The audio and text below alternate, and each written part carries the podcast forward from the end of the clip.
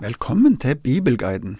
Vi holder på med andre Mosebok og har sett at Moses og Aron har vært en gang hos farao for å be om at Israel må få fare ut i ørkenen for å holde høytid for Gud.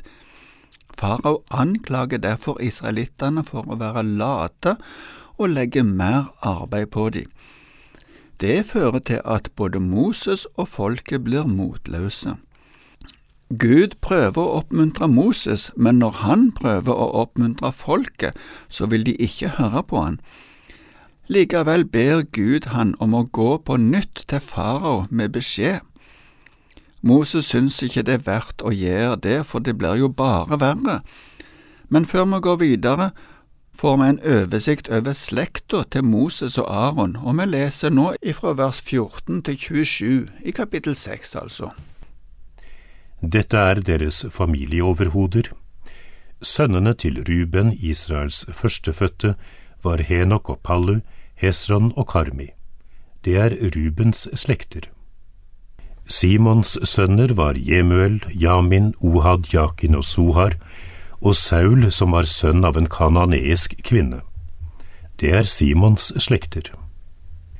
Dette er navnene på Levis sønner ifølge slektshistorien, Gershon, Kehat og Merari.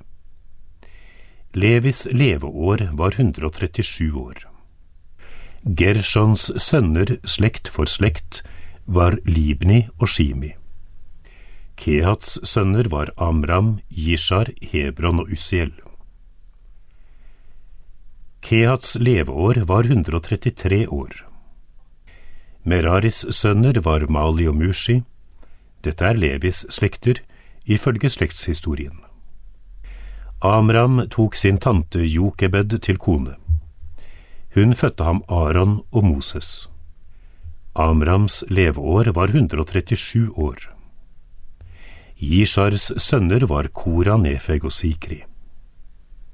Usiels sønner var Mishael, Elsafan og Sitri. Aron tok Elisheba til kone. Hun var datter av Aminadab og Narsons søster. Hun fødte ham Nadab, Abihu, Elasar og Itamar. Koras sønner var Asser, Elkana og Abiasaf. Det er Koras slekter. Elasar, sønn av Aron, tok en av Putiels døtre til kone. Hun fødte ham Pinas. Dette er levittenes familieoverhoder, slekt for slekt. Det var til Aron og Moses Herren sa, Før israelittene ut av Egypt flokk for flokk. Det var de som talte til farao, kongen i Egypt, om at israelittene skulle føres ut av Egypt. Det var Moses og Aron. Som jeg forstår, var det viktig å være klar over sammenhengen. De hadde sikkert slektslister over hele Israel som var sett sammen på denne måten. Her begynner de med de eldste sønnene til Jakob, og Levi er den tredje sønnen, og det er der linjene føres videre til Moses og Aron. Så blir ikke resten av listene tatt med i denne omgangen. Avsnittet konkluderer bare med at det var de som talte til farao om at israelittene skulle føres ut av Egypt. Den siste delen av dette kapittelet er en gjentagelse av beskjeden fra Gud til Moses om at de skulle gå til farao, og vi leser det fra vers 28 til 30. På den dagen talte Herren til Moses i Egypt.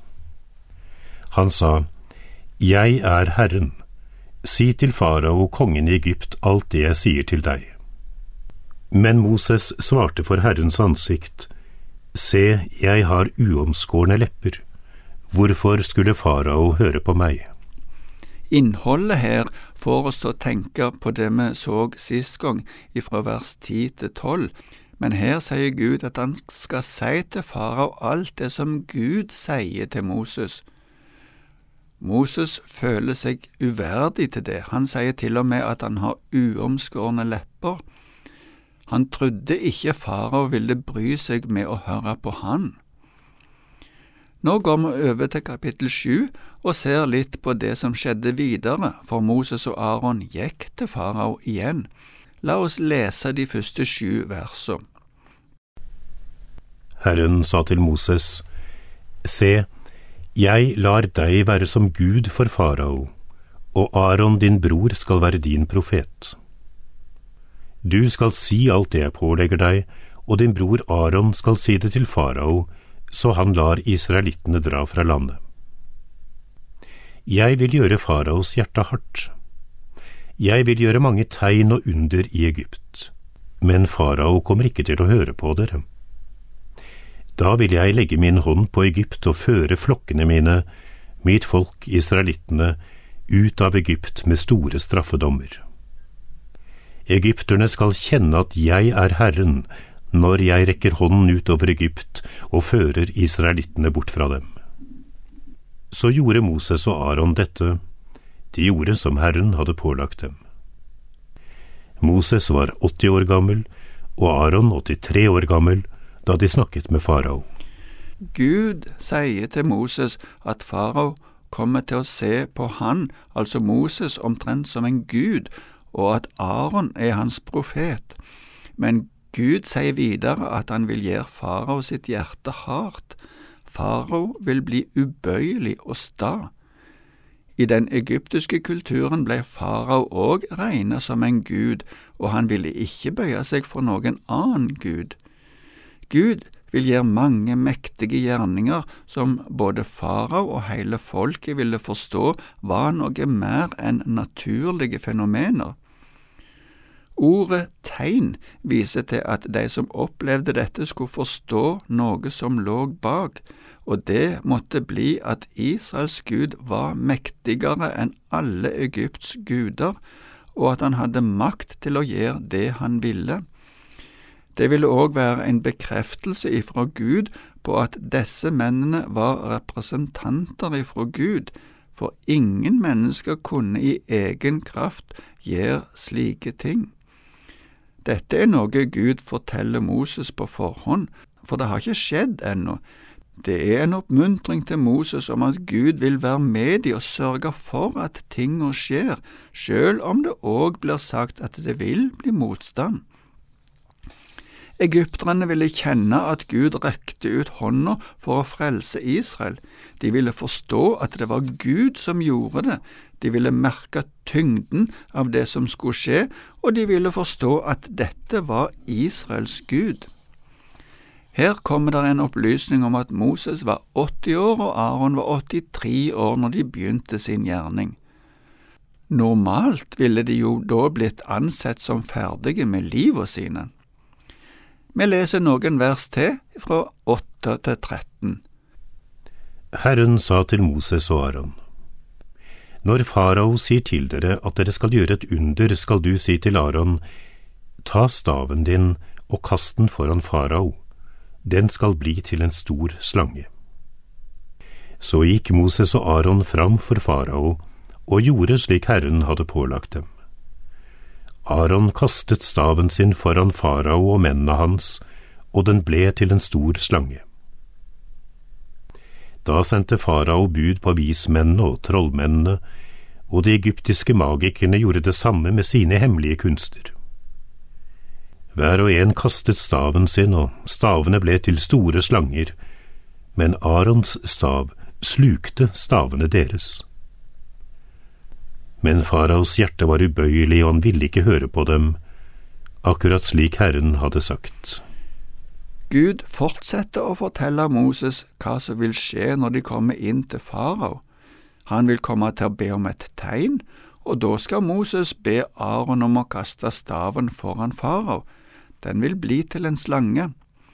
Det var det tegnet Gud hadde vist i ørkenen, og som Moses òg hadde vist til Israel for at de skulle tru om Aron hadde overtatt Moses sin stav, eller om det var en tilsvarende under som skjedde med en ny stav, i dette tilfellet Arons stav, det går ikke helt klart fram her.